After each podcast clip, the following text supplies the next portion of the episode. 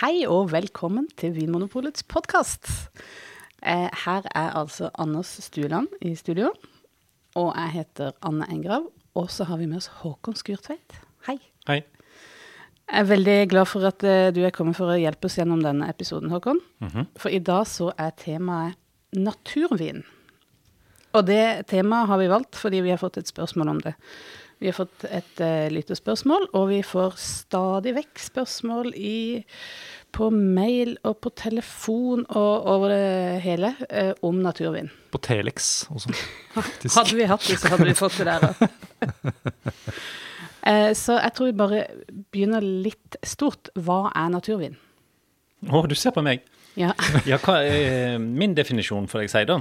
Det er, og den er ikke så langt vekk fra verdens definisjon av naturvin, det er vin som er laga uten tilsetning av noen ting, eller at en fjerner noen ting fra vinen mm, under produksjon. Og så må det være laga av økologisk dyrka druer, eller biodynamisk dyrka druer.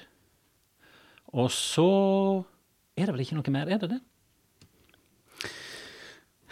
Nei, altså, jeg syns jo det er et vanskelig spørsmål å svare på, fordi at eh, det finnes jo ikke noen sånne veldig fastlagte regler.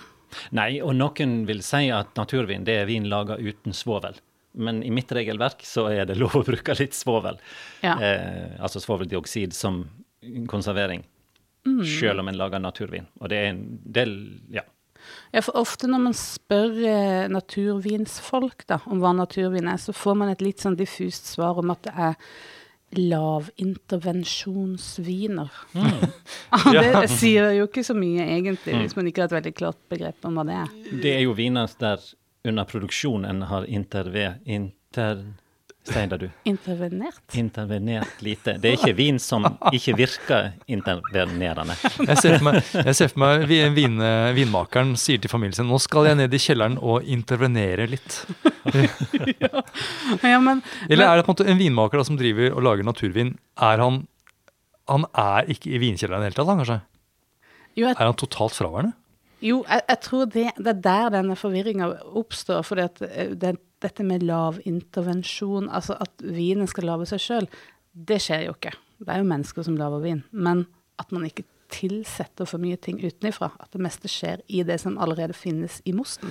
Og så må vi for all del ikke gå inn på den med hva er naturlig. For det er ikke villdruer, det er dyrka druer. Ja. Så det er jo en kultur. En kunne jo kalt det for en kulturvin Ja, kanskje det. som ligger bak. Ja, så det her er det egentlig mer snakk om grader av um, La oss si tukling eller kultivering av en råvare. Ja.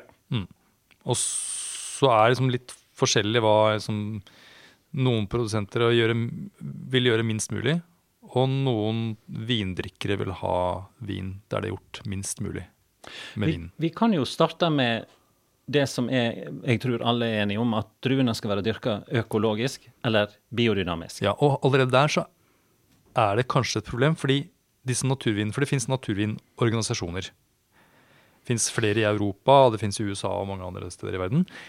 Og de har liksom Jeg har ikke kommet over eh, noe sted der de faktisk krever at en naturvin skal være merket som økologisk, men at det er mer snakk om at de skal følge prinsippene for økologisk eller biodynamisk dyrking. Ja. Sånn at det, det betyr at du kan stå med en naturvinflaske i hånda Mhm. uten at den egentlig er merket som økologisk eller biodynamisk. ja. Ja. Ja. Du trenger ikke være sertifisert Nei. for at det skal være naturvin. Men nå skal ikke vi i denne podkasten lage det så komplisert at ingen, det fin, finnes ingen. Vi må prøve å Ja. uh, generalisere litt, i hvert fall. Det er sant. Ja. Og, og det er et poeng det at de naturvinprodusentene, de nat Naturlig nok, da, så, så, så vil de på en måte sprøyte minst mulig, f.eks. Ja, og ikke bruke systemiske sprøytemidler, altså syntetiske sprøytemidler. Mm. Og heller ikke bruke eh, kunstgjødsel. Nettopp. Og da kommer vi litt innom dette begrepet, da, altså økologisk Ja. og biodynamisk. Som er eh, ofte eh, en sånn byggestein i det naturvinsbegrepet. Og hva er økologisk? drift. si. Hvorfor, hva, hva er en vin når den er økologisk? Ja, altså For at en vin skal kalles økologisk på Vinmonopolet, for at vi skal merke den som økologisk, så må jo også vinen eller produktet faktisk være merket eh, som økologisk på flaska. Og da er det jo da eh, organisasjoner som passer på disse merkeordningene, som, gjør at, eh, som sørger for at produsentene faktisk følger noen regler. Ja. Og, og disse reglene gjelder da f.eks. ikke, ikke kunstgjødsel. eh, De har færre sprøytemidler de kan eh, bruke. Eh, og det er også noen lavere maksgrenser for, for svovel Ja. i vinen. Ja. Ja. For å ta, no, ta noen ting, da. Men så har du dette med biodynamisk. Og da er det eh, egentlig mye av de samme eh, ideene, men det er tatt litt mer det, på et detaljert nivå. Ja. som For de er følger jo mye av den de rådene som Rudolf Steiner utvikla. I hvert fall så samla han de. Ja, Og de han, han er død nå, ikke sant, Rudolf? jo, jeg har hørt uh, rykter om det. Og han Ja, det mest interessante der er kanskje at de driver og bruker homøopatiske midler. Ja. Og de, tar, de har et sterkere fokus, de biodynamiske dyrkerne, på helheten på plantasjen sin. De har gjerne kyr og høns og husdyr der òg. Og, de tar- og, de, ja, og så tar de hensyn til òg månefaser og en del sånne ting. Det er jo egentlig en ganske sånn det er jo gammel kunnskap, og så kan vi si at kanskje det er litt overtru òg, men det skal vi nå ikke være så strenge med å dømme her, kanskje? Nei, vi dømmer ingen. Men eh, det er noe helt eh, reelt, da. At det er ganske mange vinprodusenter, og seriøse, proffe vinprodusenter, som lager vin med biodynamiske mm, prinsipper. Og det, og det handler om både måne og sol og Ja. jord og Og så er de av og til litt flaue, for de lurer på om vi syns at de er for tullete når de forklarer hva de driver med. Men mitt inntrykk er jo at det er veldig mange som bare sier at de har testa det ut, de syns det funker, så får en tro det en tror om Ja. hvorfor, hvorfor det virker. Ja, for de går rundt i vinmarkene, og så ser de da at etter at det er lagt om til biodynamisk, så, eh, så syns de at vinplantene rett og slett ser eh, friskere ut. Og de opplever at vinene blir bedre, sier de. Det er Ja. klart, det er klart Hvis du først har valgt å lage biodynamisk vin, så går du ikke rundt som produsent og sier at nei, vinen ble faktisk dårligere. Det Nei, men, men det er jo ganske, egentlig ganske vanskelig å drive på den måten, for du tar vekk en del sånn hjelpemidler som man har med eh, det man kan kalle konvensjonelt landbruk. Da. Så, så hvis du får sykdom i vinmarka, så, så er det, har du færre ting å, å bruke mot det. Mm. Vet du hva jeg tror? At noe av effekten er nesten som placeboeffekt. Fordi at når du skal drive økologisk eller biodynamisk, har lagt om til det, så må du skjerpe deg noe fryktelig. Og jeg har tro på at, og det syns jeg jeg ser et mønster, at de flinkeste vinprodusenter rundt i verden, det er de som har en klar idé om hva de holder på med. Og det kan være økologisk, biodynamisk, naturvin, hva som helst. Og så følger de den De har den ideen, i hvert fall, som de har som en, en styrende eh, Ja. faktor, eller flere faktorer, da. At de, har en, eh, at de er veldig nøye på hva de gjør. At de tenker seg om for hver eneste ting de gjør. Og så er de veldig gode til å observere. Ja. Jeg syns det er også en sånn eh, fellesnevner der. At du, de er flinke til å se hva som funker, når det funker, og de er liksom veldig sånn til stede. Ja.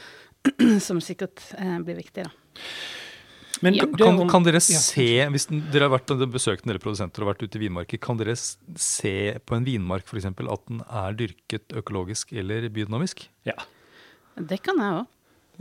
Sa hun bråkjekt. Ja, fortell. Hva, I noen tilfeller så er det veldig tydelig. Du kan ha en vei. På den ene sida av veien så ser du altså det ser ut som om det er asfalt omtrent under vinplantene. Det er bare hardtrampa jord. Og på den andre sida så er det et mylder av planter og, og gras og, og ting. Og, ja, du ser, og du ser forskjell på fargen på, på bladverket òg. Nå er jeg litt usikker på om har det med gjødsling med mye nitrogen som gjør at bladverket gjerne blir veldig sånn mørkegrønt der de, ikke, der de driver veldig uøkologisk. Da. Så det går an å se. Ja, og mange bruker jo sånn der eh, Det heter cover crop. Jeg vet ikke hva det heter på, Dekk, norsk. dekkplanter. Dekkplanter. At du, at du rett og slett planter mange ulike vekster i vinmarka. Så dette det er veldig frodig. Det ser ikke ut som en Det er ikke så strigla. Det er mer sånn buskete og blomstrete.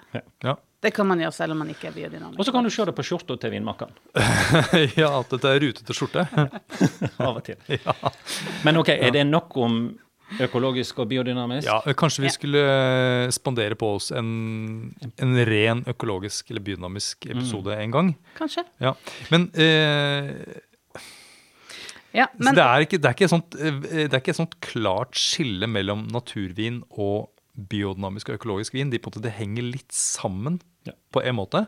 Eh, men eh, hvis du står med en økologisk vin i hånda, så er ikke den nødvendigvis en naturvin. Nei. Det stemmer, ikke sant? Ja. Men hvis du står med det som du har fått oppgitt er en naturvin i hånda, så er det høyst sannsynlig Altså da er det enten økologisk eller biodynamisk. Det syns jeg vi kan si ganske sikkert. Men hvem er det som da bestemmer at en vin er naturvin eller ikke? Det er, det er du som gjør, holdt jeg på å si. Det er vel vinmakeren eller produsenten som For noen lager jo naturvin, og så spør du er det naturvin. Nei, nei, nei, det er ikke naturvin, sier de. Nei. Men så har de brukt de samme prinsippene som Ja. naboen som sier han er naturvinsprodusent. Ja, Ja. ja, og hvorfor det? Hvorfor er det noen produsenter som da ikke vil si at de lager naturvin? Det er litt det samme som at uh, Jeg har møtt kunder på Vinmonopolet som er innom, og så tar de opp i flaska og sier 'Å nei, uff, det er sånn økologisk. Det liker ikke jeg', sier de. Og det er vel noen òg som tror at de ikke liker naturvin. Ja. Og det er en klar over. Så det er en sånn 'Å nei, jeg vil ikke være en del av den gjengen der'. For mine viner vil jeg ikke skal være assosiert med For det er jo ikke til å stikke under stol at uh, en del naturvinprodusenter er ikke så nøye på det. Og du må være fryktelig nøye på det. F.eks. hvis du skal lage vin uten svovel, så må du sørge for at hygienen er tipp topp hele veien. Ja. Eller så blir det fullt av eddik og brettanomyces som gjør at det lukter fjert og ja. Det som verre er. Og det som verre er. Ja, for det, det er vel kanskje grunnen til at naturvin i enkelte kretser har veldig dårlig rykte. At det har vært en del sånne feil i Ja. vinen Ja. som har gjort den ufyselig. ja, eller litt spennende. Det er Det kommer litt an på hvem du spør. Da. Noen, Ja, her er det jo terskler. noen vil gjerne ha det litt sånn spesielle preget som kan være i noen naturviner. Men eh, for å ta det med svovel først, da. Mhm. For der vet jeg at noen naturvinorganisasjoner de krever da to, altså, at det ikke skal tilsettes svovel i det hele tatt under produksjonen av vin. Mens andre tillater en, en del svovel. Så det betyr at eh, naturvin kan du få både med og uten bruk av svovel. Mm. Så hva er eh, kan, kan dere kjenne forskjell på naturvin som er laget med og uten svovel? Jeg kan i hvert fall kjenne hvis det er brukt for mye svovel i en vin. Da brenner den i munnen. Ja, men da er vi ikke i naturvinsjangeren lenger. Da er vi jo oh, nei, hva langt det du Jeg hørte ja. ikke spørsmålet. Du lurte på en, en naturvin med eller uten svovel? Mm. Nei. Nei. Nei. Hvorfor velger de å uh, bruke svovel, og hvorfor vil, de ikke, hvorfor vil de unngå svovel? Er det det du spør om? Ja, først og fremst så lurte jeg på om, om det gir noe forskjellig smak, da. For den som smaker på vinen. Kan du kjenne forskjell? Nei, men jeg tenker at uh, litt svovel, det er jo en sånn liten ekstra trygghet, da. Ja, Mm. så du kan si at hvis du har en vin, og så kjenner du at den både er oksidert, og her er det Brettanomyces-soppen har fått kosa seg her i lang tid òg, så kan du tenke at åh, kunne de ikke brukt litt svovel når de tapper den? Ja. Ja. Ja, for Det tenker jeg grunnen, bare for å ta helt kort, grunnen til at man bruker svovel i vin, er for å bli kvitt eh, bakterielle infeksjoner. Det, det er en bevaring. Det er en slags konservering. Ja, Som når jeg bruker Atamon i ripssaft. ja nettopp. Og, og den beskytter òg mot oksidasjon, faktisk. Og oksidasjon, ja. det Så- så- acetaldehyd. ja. Ja. Og, så kan, og, og det er jo en kunst som vinmaker å, å, å svovle på riktig eh, nivå, sånn at det ikke, som du sier, får for mye, og det blir liksom Det, det kan jo lukke vinen litt, på en Ja, måte. det har jeg inntrykk av òg. At det, og at det da gir den munnfølelsen som er litt sviende. Ellers mener da naturvinsprodusenter at hvis du bruker ingenting eller veldig veldig lite svovel sånn, Noen bruker bare sånn helt minimalt for å være, gi en liten trygghet, mens noen eh, bruker ingenting fordi det gir frukten mer sånn åpen, livlig saftighet, er vel teorien. Mm. Og så er det vel sånn at eh, lav pH er noe Altså hvis det er mye syrlighet altså, i druene, så får du lav pH i mosten, og da trenger du også mindre svovel. Og lav pH er vel også noe som hindrer en del, typ, en del bakterievekst også. Så er det sånn at det er lettere for å være naturvinprodusent i et område hvor det er relativt kjølig, eller hvor de bruker druetyper som er syrlige. Ja, kanskje det. Jeg, vil si ja og nei, fordi at i kjølige og marginale strøk så er det vanskeligere å få modne druer, og du har kanskje større sykdomspress. Kanskje er mer råte, ja. Ja. Og det er liksom eh, en eh, suksessfaktor for en god naturvin, at du har helt, helt sunne druer. Ja, Så områder som, hvor det ikke er for fuktig, f.eks. Kanskje at det blåser litt eh, sånn Ja. jevnlig. En liten sånn vind enten fra fjellene som ligger ovenfor, f.eks. Ja. Så- Carso i Frioli, et Ja. lite område, som ligger i en sånn skråning rett ut mot Adriaterhavet. Vinden kommer og bare De har nesten ingenting råd råte. Nettopp. Jeg har også vært borti en del altså det Languedoc Roussillon er jo et sånt område hvor det gjerne er en del naturvinprodusenter. Ja. Men et annet område hvor det er en del naturvinprodusenter, er jo i Loire. Ja. Og det er jo ikke et område som slår meg som sånn veldig tørt, i hvert fall. Men det er klart det er litt sånn litt eh, Ja, Muscadet fins det naturvinprodusenter Mm. også lenger inn, da.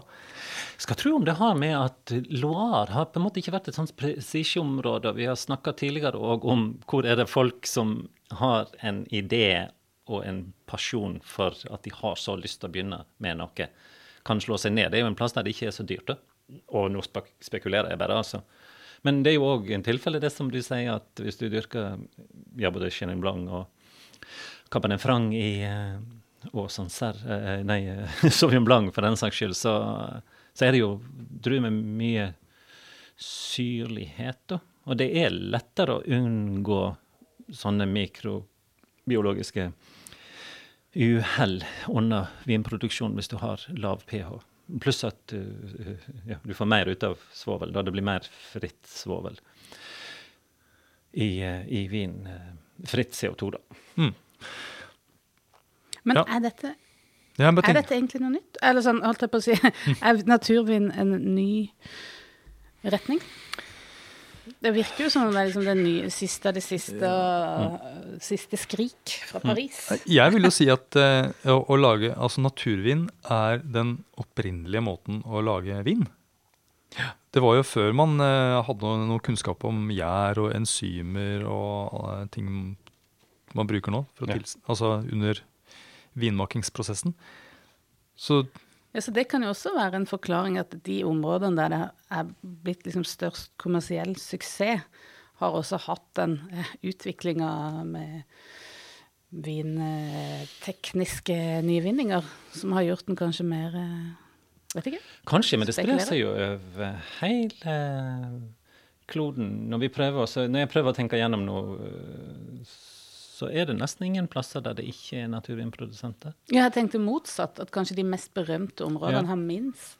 Fordi at der har man vært mest moderne. på en måte. Ja, ja Ja, kanskje. det kan være, men jeg, jeg tror også Håkon har et poeng med at eh, hvis det koster fryktelig mye å kjøpe en vinmark, så, så tør du kanskje ikke å risikere å miste deler av, eh, av produksjonen. Da. At det blir eh, eddik eller preget av Bretanomyse f.eks.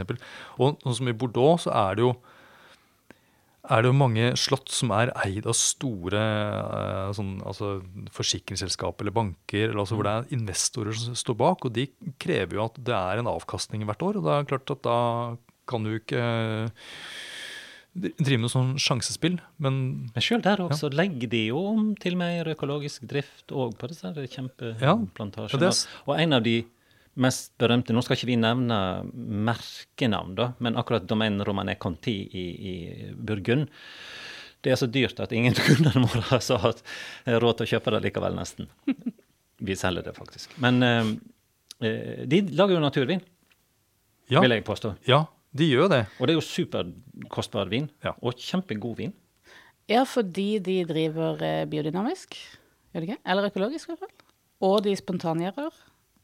Ja. Og de tilsetter ingenting til moster, enzymer og diverse. Og de er lavt svovla. Mm. Så verdens dyreste naturvin. Ja, jeg vet ikke. Ja, jo, det kan godt hende. Men det er da et bevis på at naturvin kan, kan smake godt. Jo, men den smaker jo naturvin. De gangene jeg har smakt viner fra Romanen Conti, så, så, så har de Og da er vi over på at jeg antageligvis må forklare hva jeg mener med det. Nei, Hvordan smaker en naturvin? Ja, for det, det er interessant. Det er interessant. Det er veldig interessant. Ja, ja hvordan smaker Ja, en da må jeg stiltre meg ut på sånn veldig tynn is. Det får en ta sjansen på. Um, jeg tenker at naturvin på sitt beste, og det skal det være Den spontanfermenteringa gjør at det er et litt større mylder av uh, sopp og bakterier òg til dels, da, som er med i fermenteringa i, i begynnelsen. Og det har en effekt, altså. Så en får en, en uh, gjæring som gjør at det er et sånn Vi snakker jo ofte om at det er en sånn åpnere Det er akkurat en åpnere aroma. Det lukter mer åpent. Detaljert, kanskje. Større mangfold. Mm. Og òg at hvis en Det kan gjelde andre viner òg, men la oss si at en bruker lite svovel, så gjør det noe med munnfølelsen òg. Det blir litt mer eh, saftig, mindre eh, hardt, og, og ikke minst hvis Men da skal det en god del svovel til før det begynner å så varme. Men stort sett når Jeg ser jo en del journalister som skriver at det er alkoholvarme i munnen, og så tenker jeg nei, 13% alkohol, det varmer ikke. Da tror jeg at det er svovelen. Kanskje noen andre estere og sånn som gir varme. Nå roter jeg meg litt utpå, men, Nei, men det, ja, det, men det det, fine det med, med, med naturviner, syns jeg, når jeg liker det, så er det at det er en, en sånn åpen aroma. Og en saftighet. Og også kanskje det at den er ikke helt 100 eh, steril, på en måte bare frukt, men at du har tillatt deg å komme Det der mangfoldet som du snakker om, da.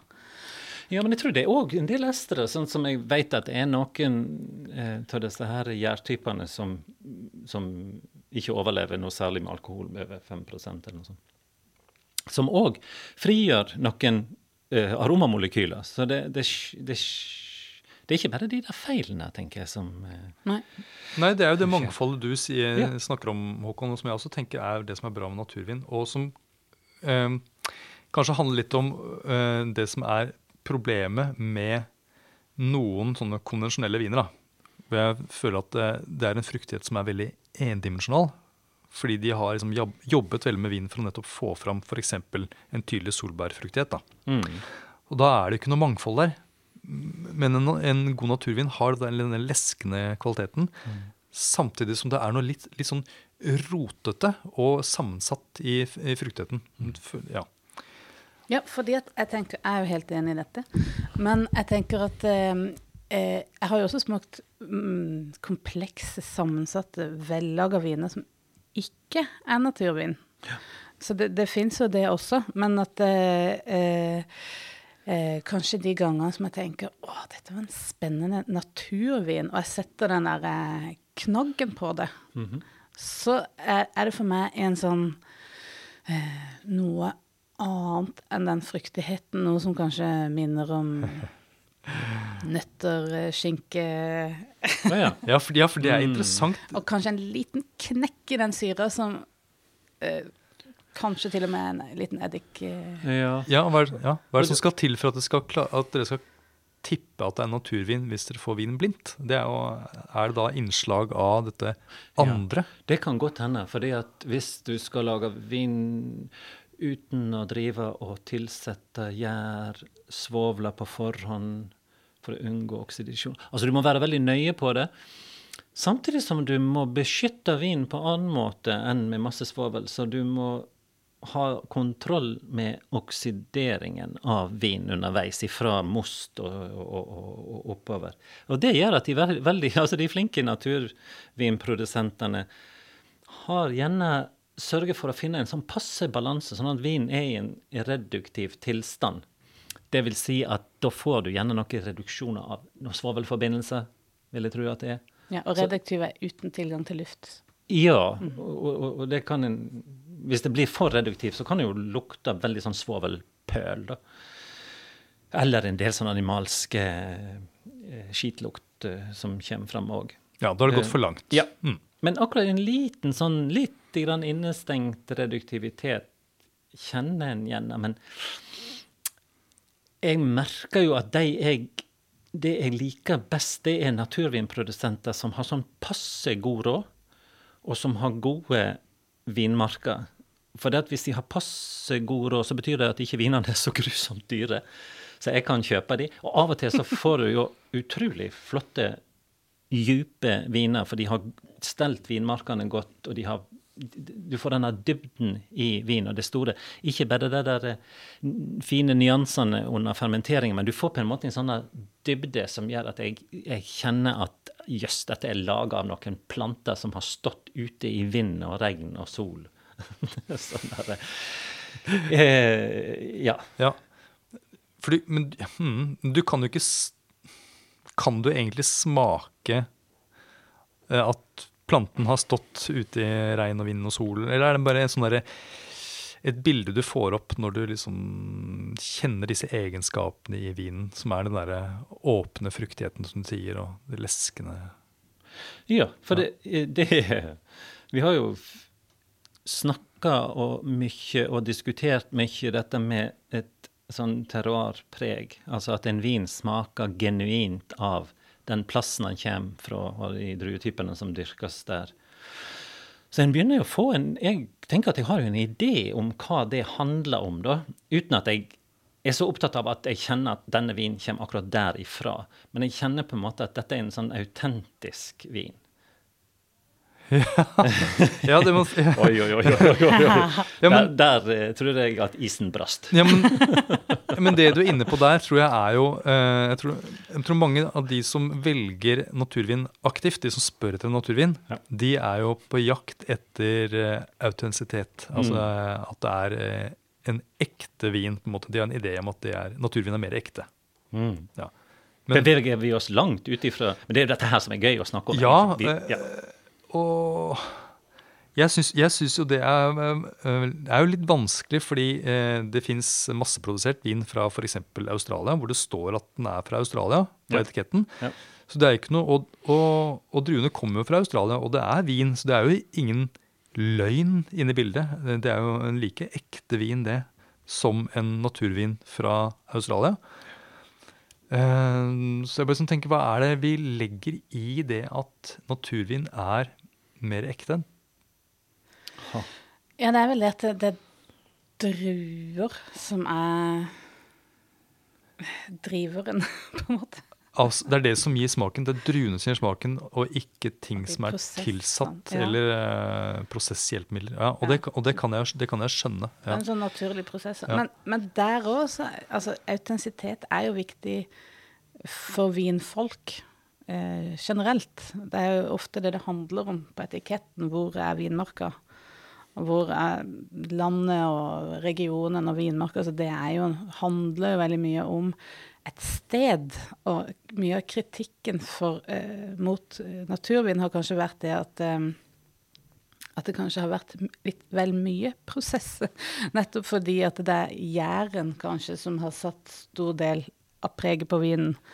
Og jeg har hørt uh, veldig uh, lidenskapelige vinelskende mennesker som sier at naturvin uh, ødelegger dette her terroirbegrepet. At du ikke kan kjenne igjen voksestedet lenger fordi Og dette her er veldig interessant, da, Ja. syns jeg. da, For at du, de, da sier du faktisk det motsatte av det som jeg opplever med Jeg vil i hvert fall presentere det synet. Ja. Men, men før vi går inn på dette her med om, Ja. det, om det kludrer til terroirpreget, Ja. så jeg bare tenker litt mer på dette her, hvorfor eh, vi er så opphengt i det med ektehet. Og du nevner, Anne, at eh, det gjerne står på etikk bak på flaska, så står det gjerne at eh, denne vinen er typisk for terroir, og vi respekterer eh, liksom, druene, og vi er liksom det stå, står mange sånne fine ord om hvordan vinen lages og hvor den kommer fra. Det er veldig vanlig i vinverden. Ja. Og jeg tenker at det har nok vært med å uh, forsterke den derre jakten på det ekte når det gjelder vin. Og en annen ting som eh, har uh, kanskje fått får folk til å søke etter det ekte, er jo det at eh, vin, eh, altså, eller produkter med alkohol, behøver ikke å merke der behøver du ikke å merke hva som er blitt brukt av prosessvirkemidler eller tilsetninger. Mm. Det skal stå noe om svovel, det skal det, men ellers så, så slipper de jo unna. Og dette er eh, at mange forbrukere ønsker en sånn innholdsdeklarasjon på vin, eh, er også, liksom, kommer også liksom til uttrykk da, som den der søken etter dette ekte, tenker jeg. Så Både dette at eh, vinprodusenter markedsfører vin som eh, et naturlig produkt fra et bestemt sted, kombinert med at de ikke mm, har en innholdsdeklarasjon, det tror jeg har vært med på å søke etter dette ekte. Ja, som gjør at naturvin gir en slags trygghet i at du får akkurat det du vet eh, at du får. Ja. Og så tror jeg det er en sånn type en sånn avantgarde, eller en en sånn undergrunnsbevegelse.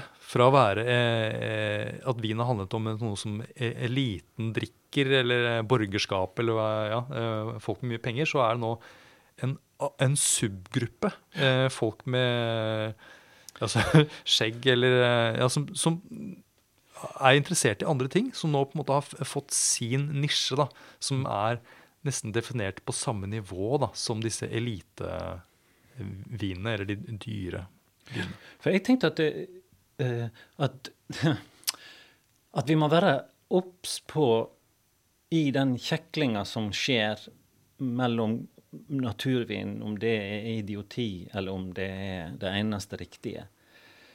Vi er vel alle tre en plass innimellom der. Um, så tenker jeg jo på at eh, vin og andre produkter òg, så er det noen ting som er nesten sånn naturgitt at du kan gi til noen, og så alle syns det er godt. Eh, ja, jeg tenker eh, men, men det er ikke Dette her handler jo ikke bare om I hvert fall når vi er kommet over puberteten sånn noenlunde, så blir vi jo påvirka, og lenge før der òg, forresten, av kulturen rundt oss om hva som er godt. At det er ikke, det er ikke noe Hvorfor syns du dette her smaker så godt? Og så kan jeg si at jo, fordi at det er søtt. Eh, Den holder. Det Alle syns det er godt med søtt. Men utover det så er det ikke så Jo da, vi, vi syns ikke råttent er godt. Eh, eh, Poenget mitt er at det er jo noen assosiasjoner vi har. Og kanskje hvis en har besøkt vinprodusenter, lest litt om naturvin, besøkt noen naturvinprodusenter, så kan en lett falle for å synes at jøss, så flott dette her er. De har en gård her der de resirkulerer, de lager kompost. De driver ikke med noen giftstoffer som renner ut i vannet. De tar hensyn til miljøet rundt og sånn. Og det, det kan jo være viktig for en del av oss. Og så smaker vi på vinene, og så er de litt reduktive, og det er litt som du snakket om, Anne, en liten streif av noe eddik og litt sånn halvskeiv vin, da. Og neste gang vi smaker en sånn vin, så tenker vi ah, ja, dette er ekte vin, nam-nam, så godt. Vi har jo, altså, jeg, jeg tenker sånn, Hvis en har vokst opp med en hyggelig bestefar som drev og røykte fisk, sant? Ja. så vil du antakeligvis resten av livet tenke at å, røykt fisk, mm, det er godt. Og det så jeg tenker at det er en del av hva vi eh, liker. Og så kommer du og gjør det litt vanskeligere, Anders, for at du kommer inn på et poeng som jeg syns er grådig viktig òg. Det er de der historiene som skal fortelles. Og særlig i vinindustrien, tror jeg, da. Det er den jeg kjenner best. Hvordan de skal legge, fortelle en historie rundt alt mulig for å selge. Det er jo et sånt reklametriks. En må ha en historie å selge. Og noen av de historiene er litt teite. eh, Og forvirrende. Og, og slår nok antageligvis tilbake igjen på vinindustrien òg. Når de driver etter det her med at denne vinmarka gir akkurat dette preget osv. Og, så og så smaker vi ifra den vinmarka, og så sier vi at ja, jeg kjenner en god forskjell på den og så den andre vinen du presenterer oss ifra en annen vinmark.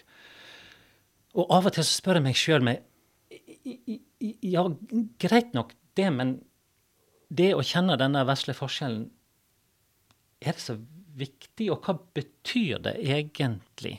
Det er akkurat som en har dyrka dette her med å kjenne igjen voksestedet så voldsomt. At, og da blir det sånne sannheter, for etter hvert så har jeg lært meg å kjenne igjen noen viner, noen, kanskje noen store merkenavn, berømte viner, igjen og igjen. Jeg smaker de, ja, ah, nettopp sånn er det. Og så kommer det en sånn tulling inn som ikke bruker svovel og holder på å lage naturvin. Og så forvirrer han hele greiene. Og så oppdager han at ah, de der historiene om denne spesielle voksestedet, den er bare én liten del av den hele historien. Og resten av historien handler om stil, altså produksjons metode og utrolig mange andre faktorer. Ja, den menneskelige faktoren, ja. Mm. Ja, for det, det, det, er litt dette her, det handler om det som du snakket om i stad, Anne. Altså roter naturvin til terroirpreget, eller altså preget av voksestedet. Som, som, er veldig viktig for mange vinfolk, er at de skal for, at de tenker at de kjenner forskjell på eh, vinmarker i Burgund, f.eks. Mm. Eh, og, og hva, er det som da, hva er det da kritikerne av naturvin mener er problemet med naturvin. Hvor, hvorfor det problemet der er jo at, at naturvinsmakere, eller de som lager naturvin, legger ikke like stor vekt på det som de som ikke lager det. Altså, Selvfølgelig voksested er viktig fordi det er der du dyrker druene dine, men, men eh, det at den, det voksestedet følger med helt ut i flaska, er vel ikke et så uttalt eh, eh, prinsipp i naturvin. Der er det mer kanskje eh, mm.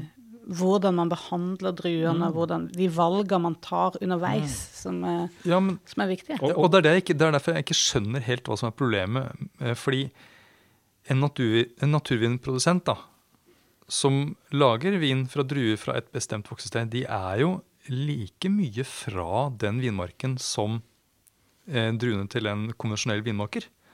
Vinene vil jo smake forskjellig, men de er jo allikevel et produkt av en bestemt vinmark. Så det er på en måte eh, jeg, For meg så virker det mer som at eh, de konvensjonelle vinene har måtte, Etter at liksom det kom vinlitteratur, og at interessen for vin liksom virkelig har blomstret opp, så det er de som har fått definere stilen i forskjellige områder. Og derfor så har liksom det satt seg. Og kanskje òg at mens, la oss si, et, et, område, eller et mindre område, som, som ei vinmark, da, tradisjonelt har gitt veldig god vin, altså det som alle i landsbyen syns var den beste vinen, det gjorde at prisen går opp.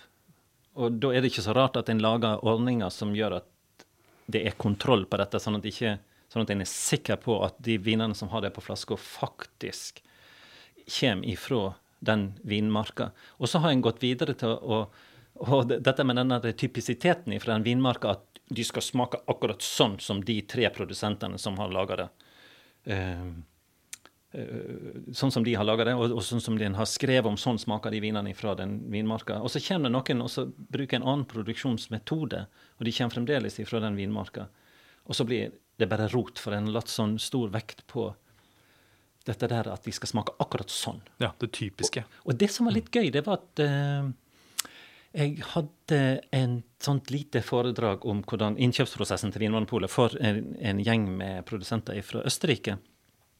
Og så forklarte jeg det, og så viste jeg de en spesifikasjon, altså en sånn anbudsspesifikasjon, uh, som vi hadde hatt nylig, og lansert vin ifra Østerrike fra ei spesiell vinmark. Og så viste jeg den, og så forklarte hvordan vi jobber med den gjennom den prosessen. Og så kom det det der eh, spørsmålet som jeg frykta. Jaha, men hvordan vet de der eh, smaksdommerne i Vinmonopolet hvordan vinene fra denne vinmarka skal smake vet de det? Og så må jeg bare si at nei, det vet vi ikke. Men vi vet at det er ei veldig god vinmark. Og vi vet at når en planter grønne veltliner i god vinmark, så betyr det sånn og sånn. Konsentrasjon, dybde, altså en del sånne faktorer. sant? Men nei, de er ikke sånn trent at de kan se å, god vin, men den kommer ikke fra denne vinmarka. Og så er det heldigvis en som sier at nei, det kan ikke jeg heller kjenne. Med mindre jeg smaker ifra én produsent, så kjenner jeg igjen. Men han sier når du smaker den vinmarka fra forskjellige produsenter, mm, ganske stor forskjell. Ja. Handler mer om at disse en av de vinmarkene er gode største voksesteder. sukkene jeg har uh, hatt i mitt liv. det er så, jo, men det er så godt Ja. å få be bekrefta ifra de skeptikerne, uh, altså de som dyrker òg, også at de sier at nei da, vi, vi kjenner ikke noe sånn helt typisk karakteristisk. Men den vinmarka har noen kvaliteter, og de kan vi snakke om. Ja, Ja, Det var både naturvinprodusenter og ikke. nettopp. Jeg må innrømme at eh, det jeg liker med naturvin, er at de sprenger litt grenser for hva vin kan eller bør smake. Ja, for du er jo en punker i sjela di. Eh, og senest i går faktisk så sto jeg altså og smakte en vin sammen med noen andre. Og det, da var det flere rundt meg som sa at dette her eh, smaker som en blanding av øl, sider og musserende vin. Og jeg syns ikke det er noe godt. Eh, og ja, i det hele tatt. Og så sier jeg at eh, ja, jeg syns jo det er godt, nettopp fordi det er en, noe jeg kan drikke som er komplekst og interessant. Det skjer mange ting i, i, i denne drikken, men jeg var jo enig i at det smakte ikke som en typisk vin.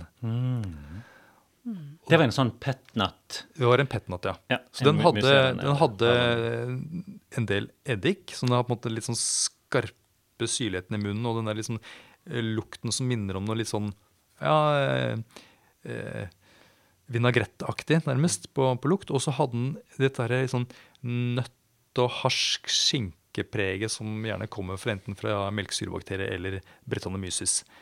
Sånn som gjerne oppstår da i en, enkelte naturviner. Det som mange, mange er liksom, enten liker eller er kritiske Ja. Hva tenker dere? Er, det, Ja, er, godt, er dere dette der? er et veldig godt poeng. Og det vi har, jeg, jeg, hvis det er noen som er forvirra, så er, er det på en måte helt Da har de fulgt godt med. fordi at på den ene sida så, så har vi snakka om at naturvin kan nettopp gi denne følelsen av et voksested. Og så sier du, Anna, at i noen tilfeller så er det nettopp det motsatte kanskje som skjer òg. Og da er det jo Da tenker jeg jo på noen F.eks. hvis en har ei vinmark i eh, Tyskland, Riesling-vinmark, og så er det plutselig noen som begynner å lage naturvin, og ikke noe med det, men i stedet for å presse druene og fermentere mosten, så knuser de bare druene og hiver de oppi så de har skallkontakt. Altså skall og, og, og, stilker og steiner blir liggende med, og så får du en eller annen graut som ligger der og fermenterer. Og du får noe helt annet om en, sant? Du, får gjerne litt eh, tannin, en såkalt oransjevin, ut av det. Og naboene blir jo da enten lattermilde eller forbanna.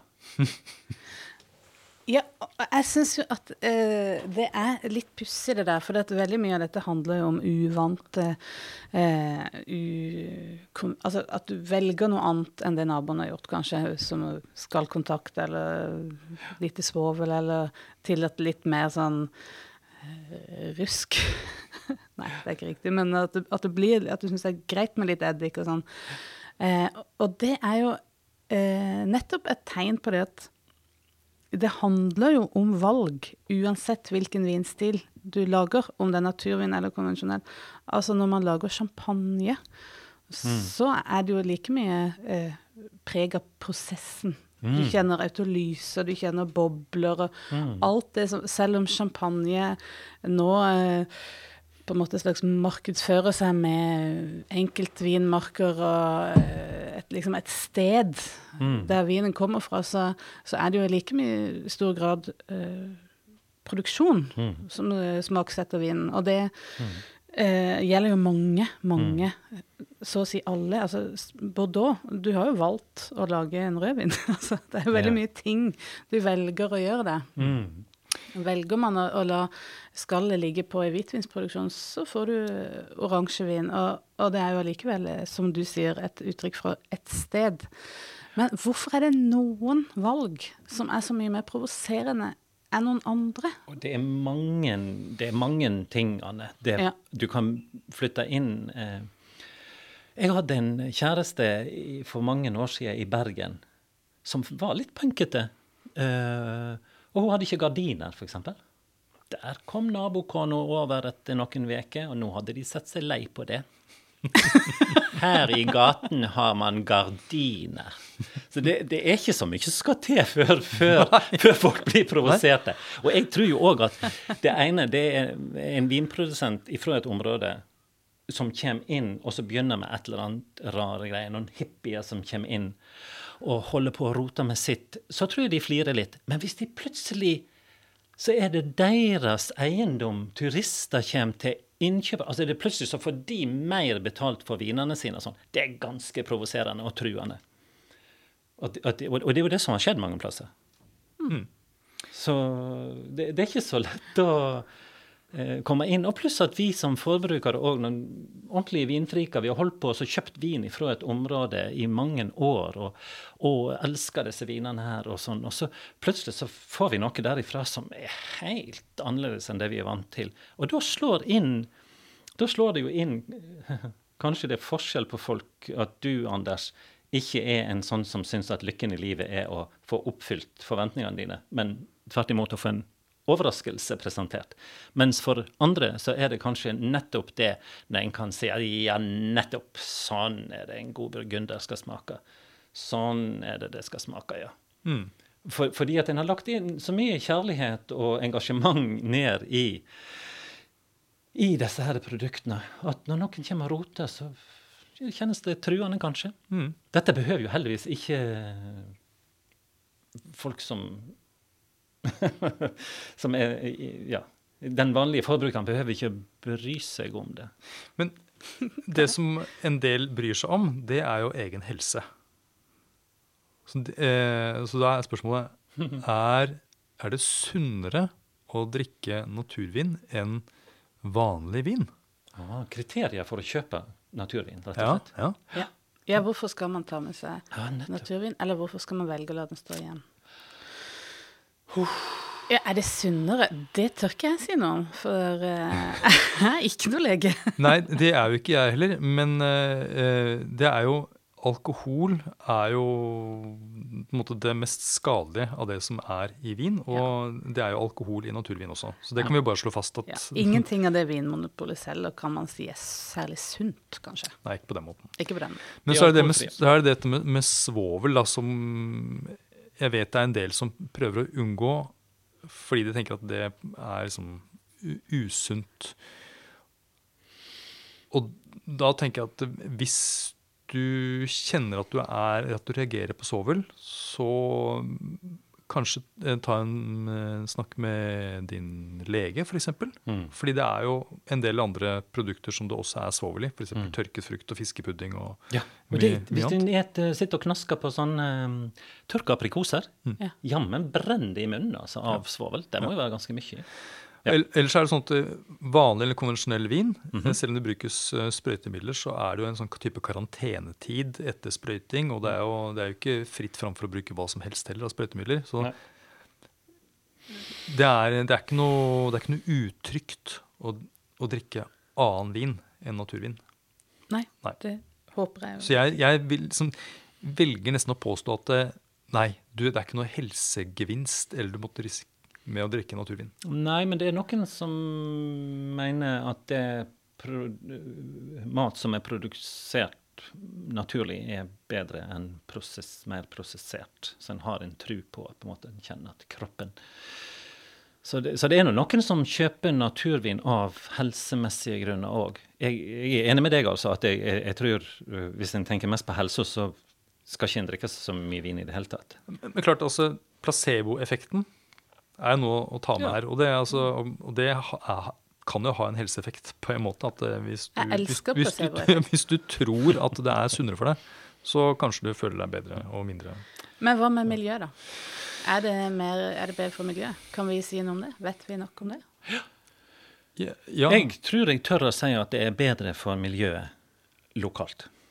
Ja. Men en naturvinprodusent, paradoksalt nok, så kjenner jeg jo en som sier at den viktigste for en naturvin, altså en som dyrker økologiske druer, rettere sagt, er jo ei god sprøyte. For de kjører mer gjennom vinmarkene og sprøyter, for de bruker ikke de der eh, sprøytemidlene der du kan, eh, der det blir sittende, går inn i planten. Så de bruker jo gjerne sånne ganske enkle, overflate sprøytemidler som gjør at de må kjøre gjennom vinmarka så mange ganger. Så de bruker jo mye mer diesel, drivstoff. Så globalt sett så er det for og imot. Mm. Og så kan en problematisere det og sånn, men ja.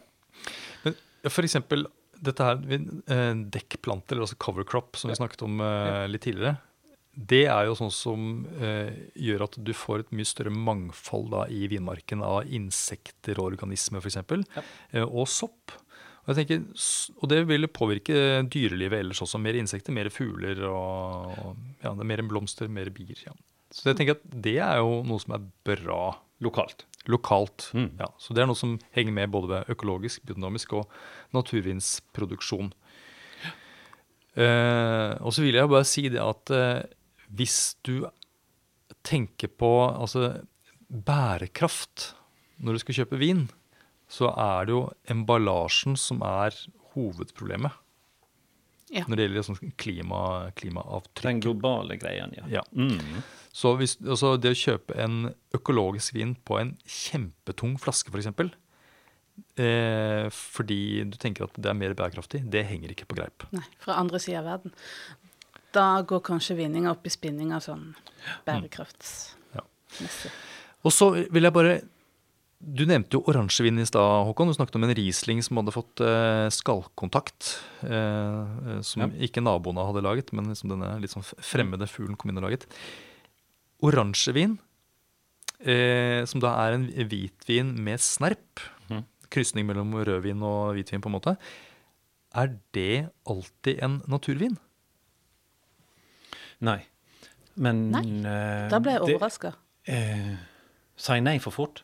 Nei, nei, altså, nei, hvis du skulle utfordre meg og si finn en oransjevin som ikke er laga av en naturvinprodusent, så blir jeg litt bleikere, ja. Mhm, ja. Det er stort sett produsenter som driver naturlig, altså på de definisjonene som vi har hatt, med lite tilsetninger, ikke tilsetning av gjær heller, spontanfermentering, som lager oransjevin. Mm.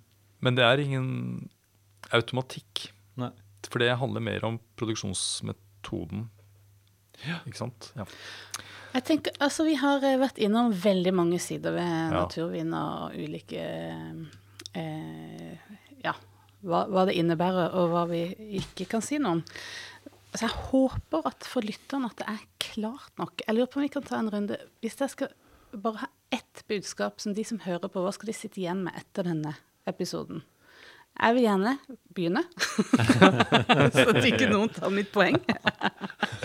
Eh, Men jeg tenker, jeg håper ikke det er blitt sånn at vi har bidratt til å øke den spliden mellom det som er liksom naturvin og konvensjonell vin, som to helt ulike vinstiler, som du må ta et valg mellom det ene eller det andre. Men at her er det snakk om at det er et stort mangfold, og man bør prøve, hvis man er interessert i vin, så bør man prøve det meste. Alt, egentlig. Det er mitt budskap. Mitt budskap må jo, det, må jo da være at eh, ta en utfordring og prøv en naturvin som virkelig sprenger grenser. Og prøv den med et åpent sinn. Mm. Mm. Jeg vet ikke om ting er klart. Det kan godt hende det er noen som bare forvirrer, eller det kan hende det er en del som har slått av for lengst òg. Men jeg skulle jo ønske at dette vi har snakka om, om de forskjellige historiene og liksom hva er det som er viktig og sånn, at jeg skulle ønske at folk kjenner litt etter sjøl. Hva er viktig for meg? Altså hvis det er noen som ligger vekt på dette her, eh, det økologiske i, eh, Dyrka eh, mat og vin så skal de bare holde fast ved det og finne fram til noe de syns er godt innenfor det òg. Og, ja, altså, òg når en smaker på ting at Jeg skulle jo ønske at alle som er glad i vin, òg har sjøltillit nok til å kjenne etter om alle jubler for noe. Så tenker jeg nei, jeg syns dette var litt kjedelig. Eller, eh, ja. Så, så, så jeg, jeg skulle ønske at at alt preiket vårt eh, resulterer i at folk blir litt sånn hm, Det er et stort mangfold der ute. Og jeg har mitt sett av kriterier for noe som jeg blir glad av. En bør jo bli glad av å drikke vin, da. Ja, det er sant. Ja. Det Men- syns jeg Ja. Ja, jeg, jeg tenker det er to ting vi kanskje bør ha med helt til slutt. Eh, og Det ene er jo det med oppbevaring av naturvin. Og det andre er hvordan skal kundene eller lytterne finne naturvinen? Hvis de, eller eventuelt unngå den, da. Hvis de, Ja. ja.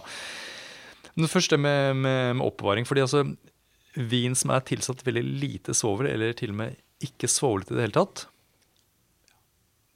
det er vel slik at de er jo litt, de er litt mindre stabile, så de bør ligge kjølig, ikke sant? I et svalskap. Dette der er veldig vanskelig, for at flinke vinprodusenter lager vinen helt ferdig før de tapper den på flaske. Og en del viner som Nå har ikke så mye erfaring med helt usvovla, men med lite svovel og naturvin. Jeg oppfatter de som veldig stabile. At de holder seg godt, utvikler seg fint. og du tenker kanskje på om det er noe sånn bakterielle, eller eh, særlig eh, ja, Brettanomyces og forskjellige sånne uhumskheter som vokser. Ja. Jo. Men Eh, Det er jo en viss, litt større sjanse, da, og, og viner som er svovla veldig hardt, holder seg jo enormt godt. Det skjer ikke alltid så fryktelig mye med dem, men ja. Jeg er ikke så redd for det med oppbevaring. Men kunne de på en måte si at for å være på den sikre siden har du, har du noe som du vet er naturvin, så legg den litt kjøligere da, enn eh, Ja, rom, jeg gjør det, jeg romtemperatur. òg. Jeg gjør det, jeg òg. Jeg gjør det. Og så er det det med å finne eller unngå naturvinen. Ja. Hva, hva skal du si da, Anders? Nei, det er jo ikke så lett å gi noe sånn, eh, et godt, eh, godt råd der, egentlig. Fordi vi, har, vi merker jo ikke vinene i vårt sortiment som naturvin eller ei. Nei. Fordi det ikke fins et regelverk for naturvin i EU, Nei. rett og slett. Eh, så da er jo mitt råd Er du interessert i å prøve naturvin, så spør du i den eh, lokale vinmonopolbutikken. Ja, eller så kan du også bruke nettsida vår, og så kan du bruke noen sånne søkeord Ja. som usvovlet, svovel, eh, skallkontakt, hvis man vil ha oransje altså, Da må man bruke liksom litt eh, intelligens når man får opp søkeresultatet. Da. Men det er noen sånne søkeord som kan få opp en del eh, eh, Og det er jo òg et mylder av eh, blogger og nettsider ute, så hvis en bare bruker den store weben og søker på naturlig vin, nakenvin, Ja. økologisk og sånn, så, så kommer det opp en del tips. Men de, jeg vil jo tro at i alle butikkene våre så er det noen som i hvert fall kan vise deg til noe. Sikkert så vil eh, ekspeditøren i butikken ta forbehold om at nettopp det du sa, Anders, at det er ikke noen det er ikke noen definisjon av det, det er ikke noen merking av det. Nei. Men det å finne fram til noen naturvin eh, burde ikke være så fryktelig vanskelig, da. Og så nevnte du nå nakenvin. Ja, det blir neste Ja. Og da får vi jo bare si det at eh, nakenvin og naturvin, det er det samme. Ja, for det får vi også en del spørsmål om. Å ja. Da, er jeg, da Da har du noe har ikke jeg noe mer på hjertet, egentlig. Altså, vi kan, hvis det er noen som vil få det ut nå Det er nå naturvinsepisoden er. Må man ha skjegg for å drikke naturvin? Nei, det kan vel svare et klart nei på. Greit. Da er det et tydelig svar til slutt. Ok, da er det bare å si takk for oss. Ja, Det blir kjekt. Ha det bra. Takk for at du hører på Vinmonopolets podkast. Har du forslag til et tema i podkasten? Send mail til podkast at vinmonopolet.no. I tillegg svarer kundesenteret deg på e-post, chat og telefon.